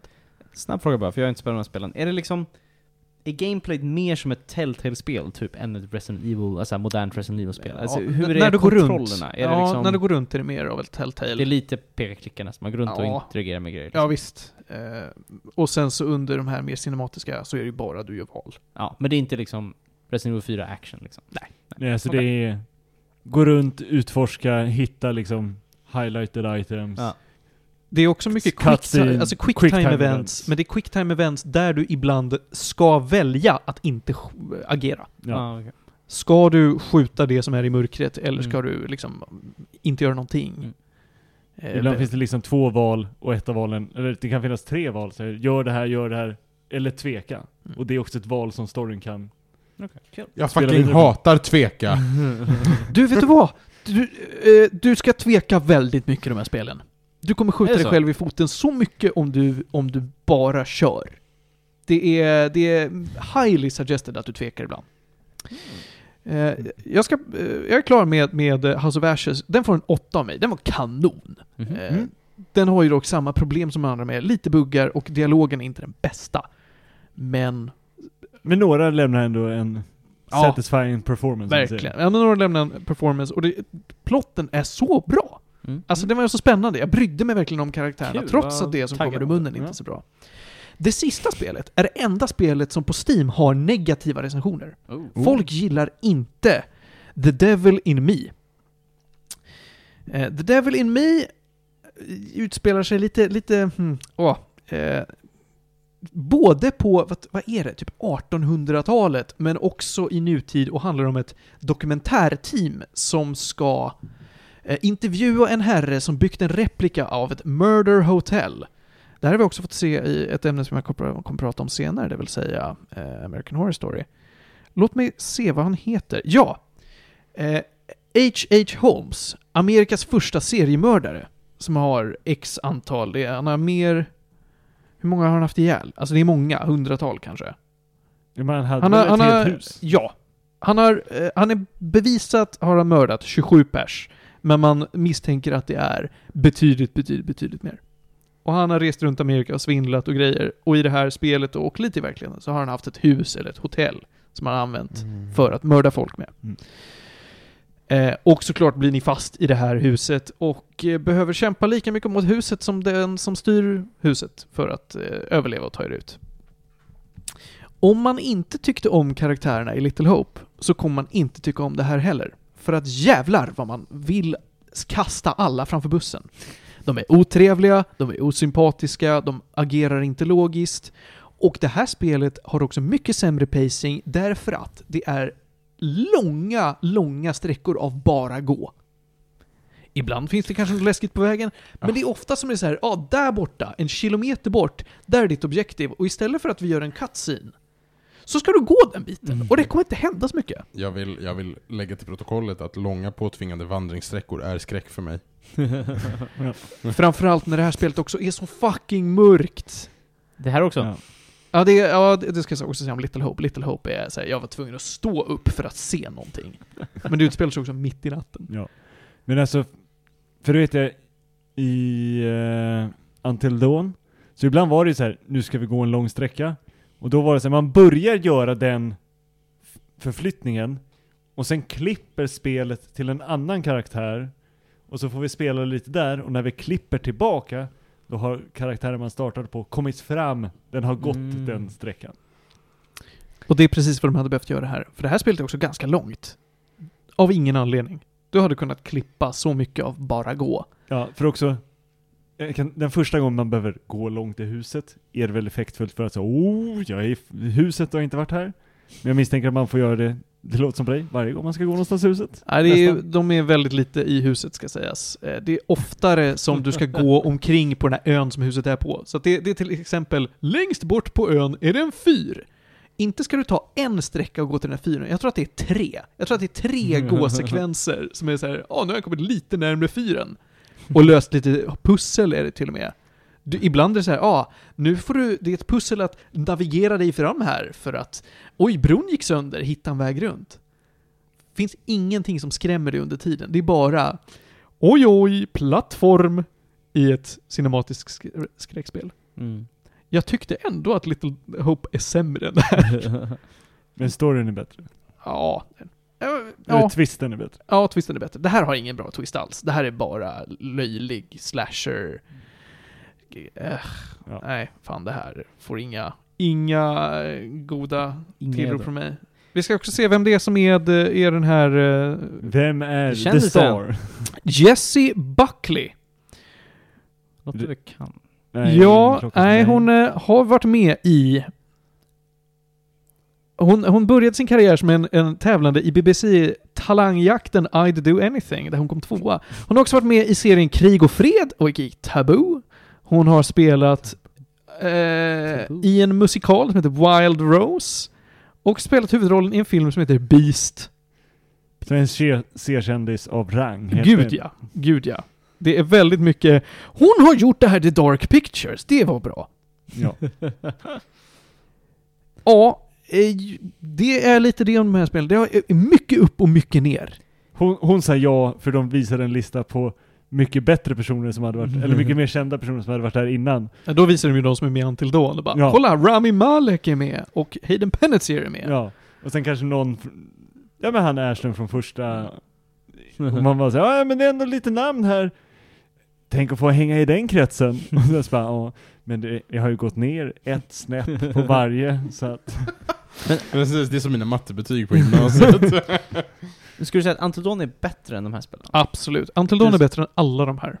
För jag har inte spelat någon av de här spelen, men jag är taggad att börja med det. Och jag Ant- äger ju också Until Dawn, så det Ja, det är ett Ja. fantastiskt spel. Antedon är riktigt roligt faktiskt. Men, säger- Worldbuildingen där är superb. men jag har bara hört att de här spelen, alltså har du spelat dem själv eller med andra eller? Jag spelar själv och sen då och då så har Saga suttit på soffan Okej. och sagt vad mörkt det är. men jag funderar om jag ska spela Until Dawn, men jag vet inte om jag ska spela det med någon annan eller bara spela själv. Jag vet inte vad bäst sätt att uppleva det är. Ja, jag spelade dem också själv och tyckte då? det var helt okej.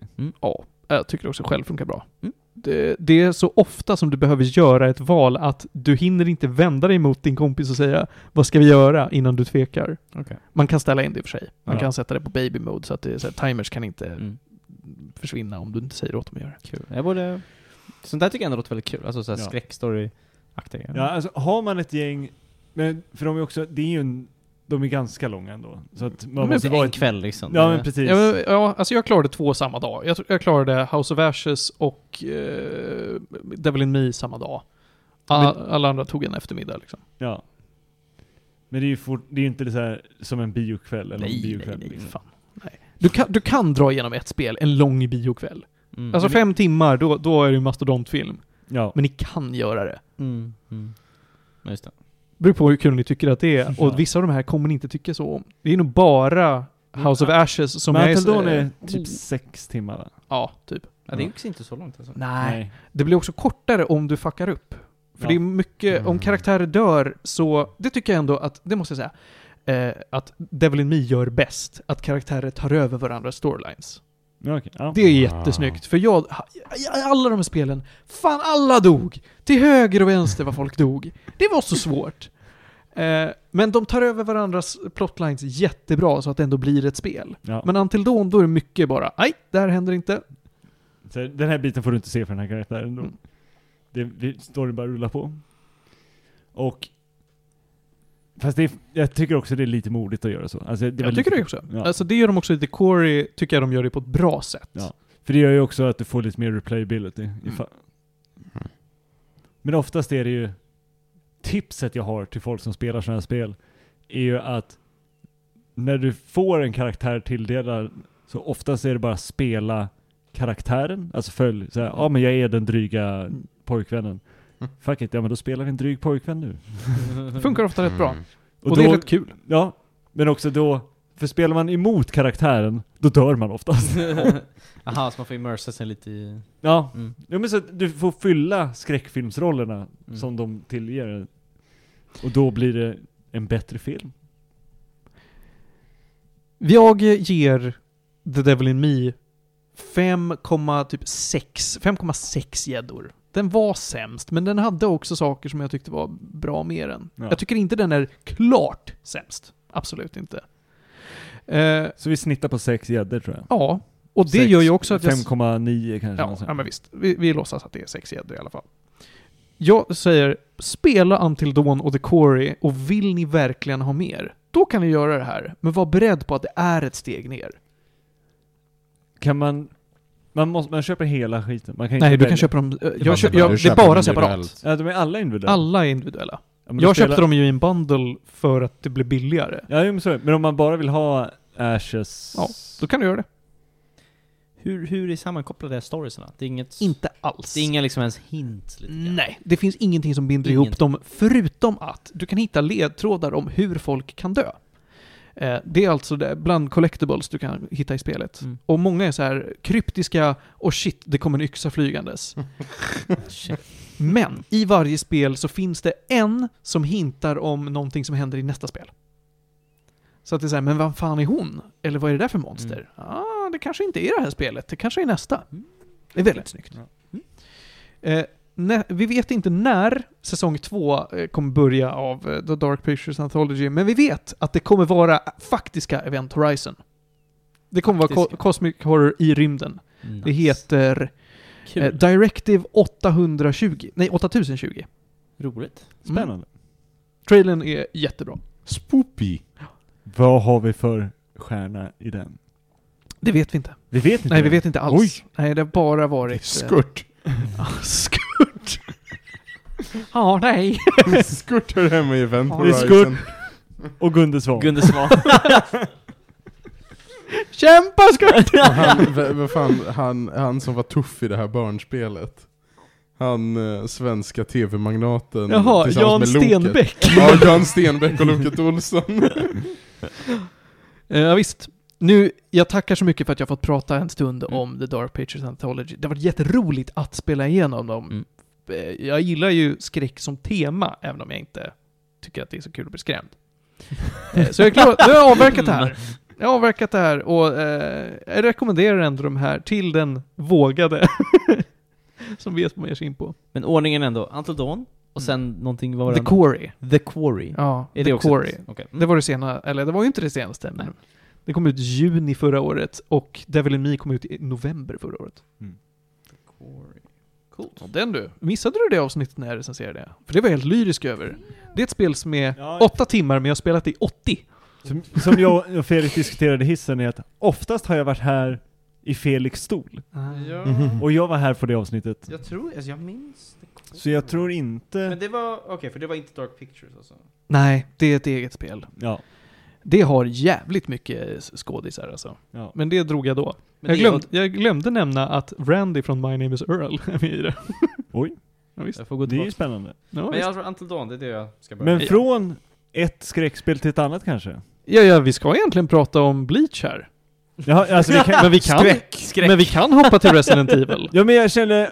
Den är På, naturlig. ja, på segwayen så kan vi hoppa in i lite mer... Ja, Skräck. nej, men vi gör det. Ska vi göra det? Ja, jag tror det. Det kändes passande, eller hur? Ja, och Ja. överlämningen var på väg och jag tänkte bara lyfta den. Det och. Du bara slog den ur det- handen på Det mig. är ofta jag gör det. Så här, nu följer du inte protokollet. Nej, men så här, jag tog din tårta och skulle ge över den till Felix och du bara rakt ner på golvet och kladdade ner hela bordet.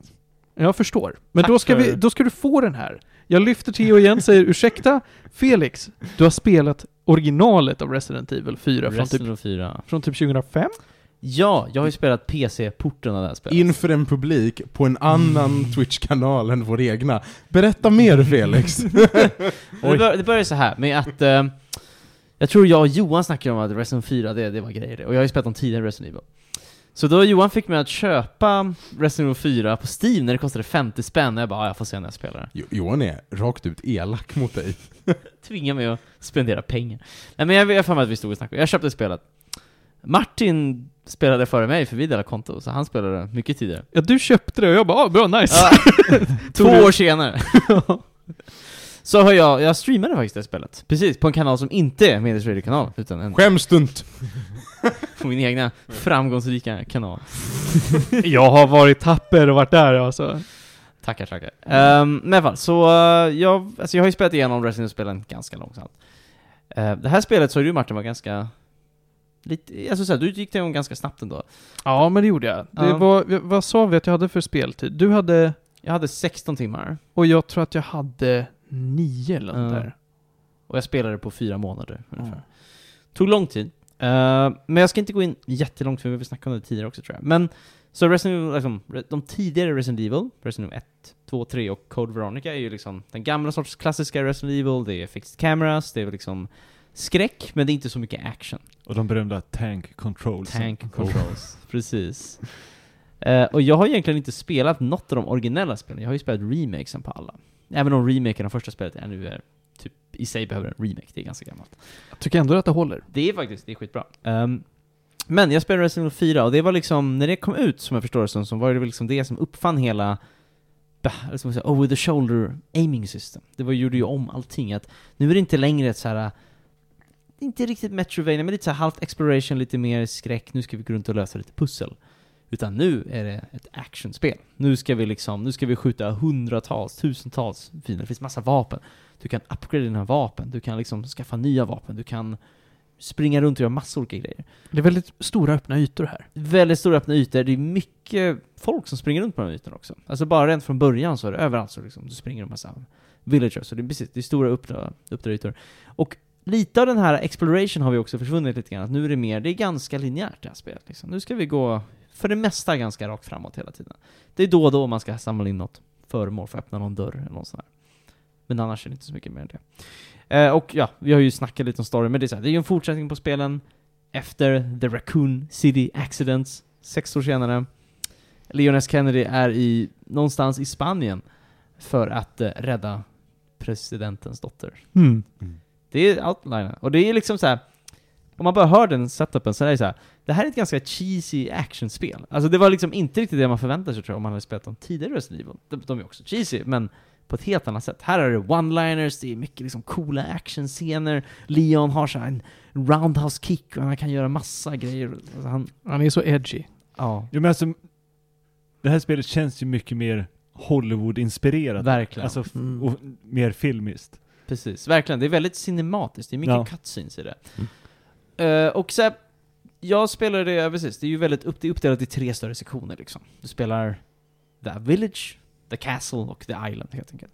Alla är hyfsat olika i liksom hur de ser ut lite grann, men, men liksom det, det bygger på ganska naturligt att du börjar med hyfsat simpla fiender, de har inte så mycket vapen, de har lite högafflar och grejer, och sen så liksom går du vidare till typ kultister och sen till slut har du så här Mm. Syborger. Syborger och typ militärsnubbar med automatvapen. Det blir spårar ut lite grann. Jag kände så här jag hade väldigt mycket build-up för det här spelet. Alla sa så här, wow, det är, det det bästa som finns. Jag spelar om det hela tiden. Mm. Och nu spelar jag det. Jag vet också, när jag snackade med Johan, han bara, det, ja, det är det bästa. Det är... Ja, det är Guds gåva till folket. Ja men det är så här, och jag tycker väldigt mycket om Resident Evil, för jag gillar verkligen Resident Evil 1 och 2. Jag tycker de är skitbra spel, det är väldigt bra atmosfär, det är kul att upptäcka, de är ganska läskiga.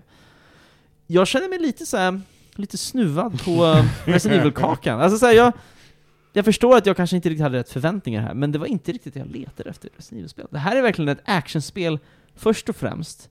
Och jag tror absolut att det var jättecoolt när det kom ut, för det, absolut, det gjorde ju om hela actiongenren förmodligen. Alla spel som är väl third person har väl byggt allting från Last of Us till Gears of War, allting Mm. kommer väl från det här. På GameCube liksom. På sin tid. Men jag säger Actionen var okej, den var inte dålig, men jag tycker inte att det var något så här. det var ingenting jättespännande att hänga i julgranen. Det, var lite kul att springa runt, det var lite så här roliga one-liners. Jag saknade skräcken för det mesta. Det är ett area jag tycker faktiskt är rätt så bra, och det är Regenerator Areat. Mm. För det är det Ja, som det är jag... jättebra. Det är riktigt bra, för det är det jag känner så att det här är det jag vill ha av Resident Evil. Closed setting, det är läskigt, det var ganska läskigt, det är intressanta fiender. Ja, visst. Och det är så här, ja, den lilla delen stack så mycket, det uppskattar så mycket mer än resten av spelet. För det är lite kul i början, jag tycker faktiskt att spelet har en progression att det börjar ändå rätt så bra. Och så blir det sämre och sämre och sämre tycker jag för varje area. För att det blir typ svårare, det är mer fiender, det är inte lika kul längre. Det är lite mer så här escort missions som blir bökiga, bossarna är tråkiga. Mm. Men det är ändå så här, första banan är rätt kul, man kan gå runt och skjuta en massa bybor typ. Det, Där, där sa du ändå någonting som jag vill lyfta än en gång. Det är bökigt. Mm. Jag tycker hela det här spelet är ganska bökigt. Ja, men det är såhär, in och inventory, du ska hämta det här, byta det här, det, det tar lång tid, alla menyer, alltså det... Och det som står i vägen för dig är inte åh shit, hur ska jag ta mig runt den här zombien i det här rummet? Nej, hur ska jag ta mig igenom den här väggen av folk som bara är i vägen och står och skriker på mig? Mm, Den är inte precis. läskig, den är bökig. Precis, precis. Och jag känner verkligen det att det... Ja, jag vet inte. Det känns lite som när man kollar på så här gamla klassiska filmer, så här Citizen Kane, typ. Så, ja men absolut. Det var väldigt revolutionerande, men det är ju också att allting har byggt på det som gör att det är så här, det, jag har all, alltså, jag tycker att man kan uppskatta det för vad det var, men jag tycker också man ska kolla på vad det är idag. Och så här, det är fortfarande ett kompetent actionspel liksom. Det är alltså så här, och är man ute efter action, det är ju inte det bästa du kan hitta, men jag tycker inte att det är något speciellt fel, det är bara att det var det första liksom. Men jag var ju mer ute efter ett så här immersive, lite mer så här uh, exploration, upptäcka någon så här plats och skräcktema. Och det, jag, vet, jag känner inte riktigt att jag fick det. Och jag är också rädd att jag har hört att de andra, vad är det, Resident Evil 5 och 6 är väl de som är Ännu mer actions. Precis, men Ja. ännu mer. Eh, femman är ju 100% ett actionspel i princip. Mm. Och sexan är mest ett actionspel. Mhm. Men de har, för du har tre, eller spoilers, men du har fyra storylines. Eller, Ja men jag har hört att det är splittat så. ja, Mm. så du har, du följer, också som de har från sexan, att du följer eh, par. För du Okej. kan spela dem multiplayer om du vill. I sexan? Ja, femman och sexan. Mm. Ja, femman va? Men Johan har tjatat om att han vill spela multiplayer. Ja, ja, Ja, för femman är så du får välja att vara Chris Redfield Mm. eller random brud som jag inte kommer Hon är bara med i det spelet. Ah, okej. Hon har okej story i det spelet, men alltså det är så här, ja men Mm. lokal agent här. Mm. Och i sexan så är det så här, ja men vi har Chris Redfield och random person, vi har eh, Leon S. Kennedy och random person, vi har, jag säga två random personer, men det är det inte, det är Birkins dotter från eh, Ah. Resident Evil 2. Mm. Vad hette hon? Eh, Ash, Ashley kanske? ja, Ashley, Ashley Birkin. Ja. Ja. Mm. Mm. Hon och eh, Weskers son, tror jag han är. Ah, det vet jag fan, det låter som en spoiler. Så att det är Weskers son. Wesker, han är så. Eh, jag kommer inte ihåg. nu. Jag, jag tror, nej det kanske är en fet spoiler. Jag tror det var en fet spoiler. Jag har inte någon minne av att det skulle vara någon som var släkt med Wesker. Ja skitsamma. Men, ja, någonting är det. Mm. Jag får mig att han säger det ganska tidigt. I sexan? Ja. Jag har Ja, inte det- spelat sexan. Det är lite det som är problemet. Jaha, okej, ja förlåt. Har du spelat femman? Nej. Okej. Alltså, vet du vad Theo? Jag spelade 1, 2, 3, 4 nästan back to back. Och jag hade så tråkigt med fyran att det sög all lust att fortsätta med den här serien. Alltså, i femman, så som Chris Redfield, Mm. Och random brud. Ja, så kastar du ner Wesker i en vulkan. Nice. Och, slår, och sen så försöker du, du får ett quick time moment av att putta en stor stenbumbling, Över vulkanen. nej ner i vulkanen på Okej, honom. okej. Och du orkar inte, så prompten byter till Hook the boulder. och så bara ge en Ja, ring. jag har hört om det. Han, han punchar boulder. Ja, och så bara, han orkar inte putta den, men han kan fan nita den här stenbumlingen tills den rullar ner och mosar Wesker i vulkanen. Ja. Jag kommer köra de fem sista spelen också. Men det är det jag känner också med Resident Evil. Så här, fyran, så här, Nej, fyra. Ja, alltså fyran tycker jag också, storyn är så himla, den har ju inte med någonting att göra egentligen, det är ju väldigt såhär Leon och Ja. side mission typ. Ja. För de första tre hänger ju ändå ihop ganska mycket. Gud ja. Ja.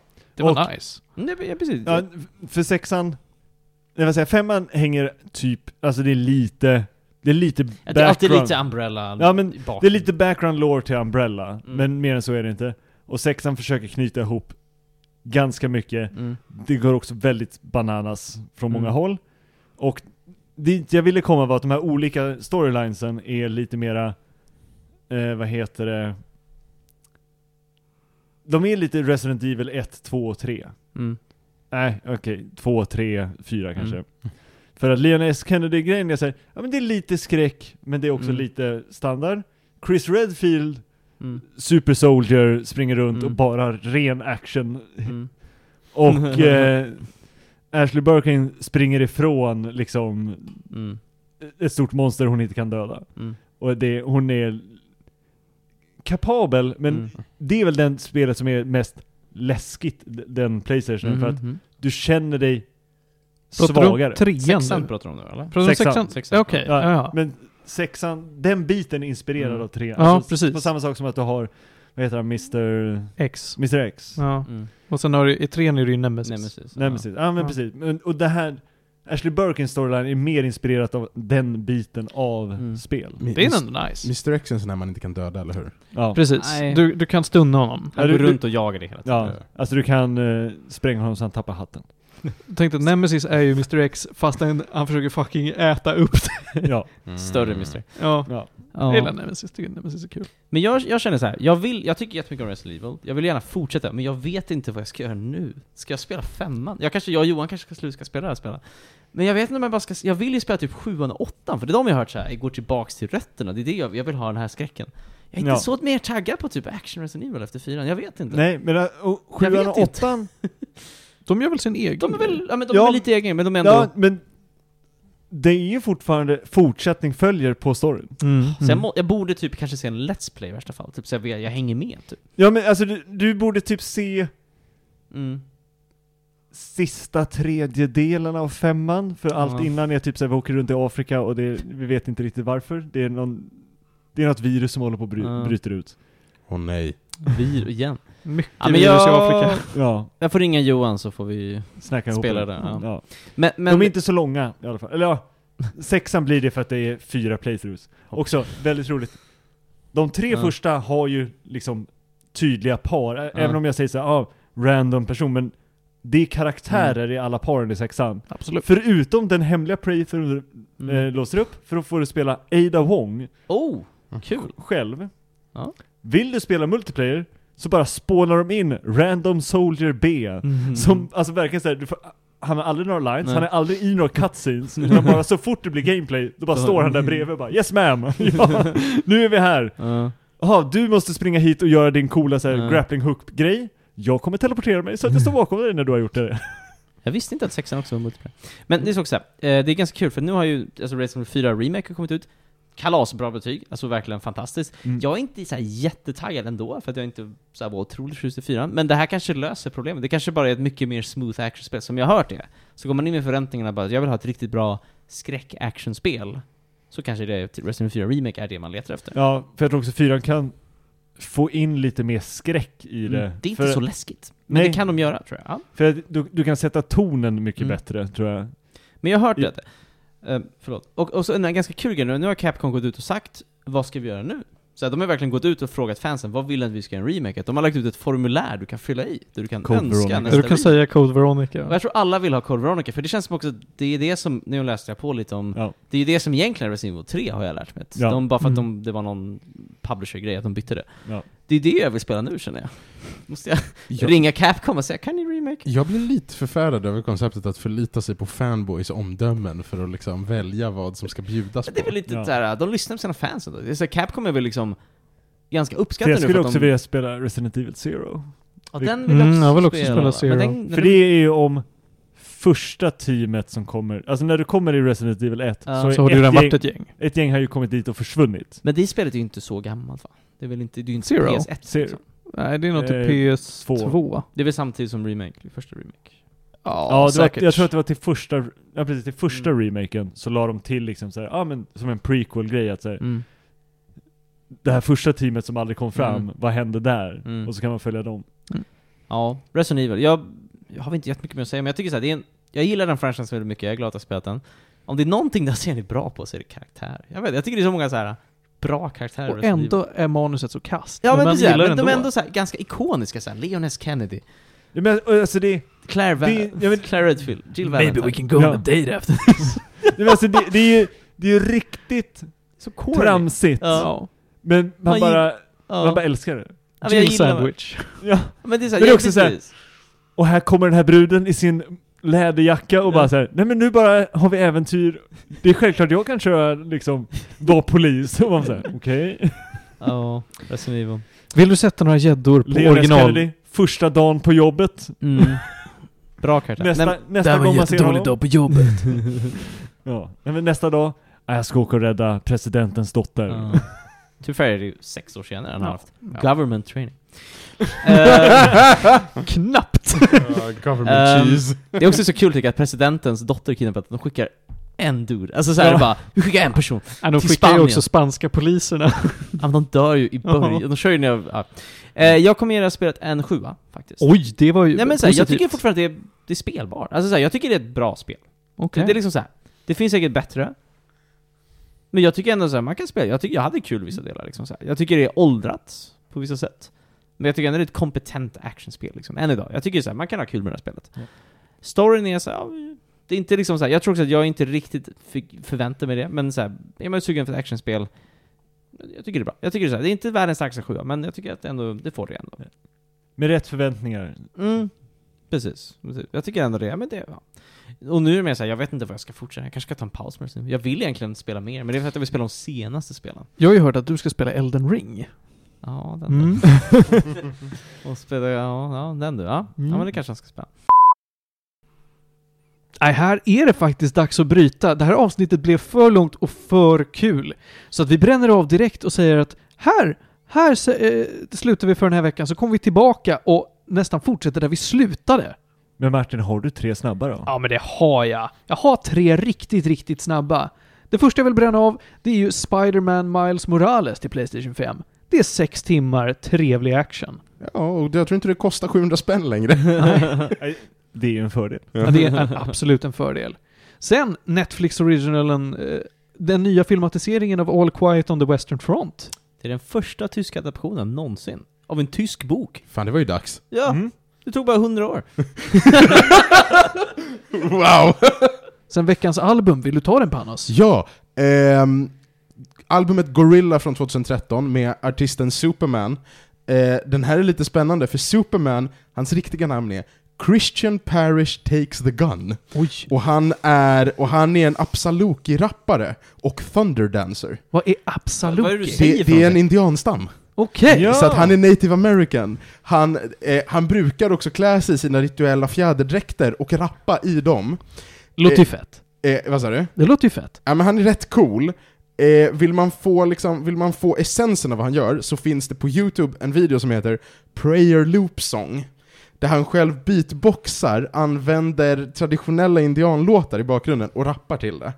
Han är skithäftig och hans musik är eh, fyndig och ofta lite mer än bara vapen och knark. Bra, eh, Gorilla 2013, bra album. Ja men nice.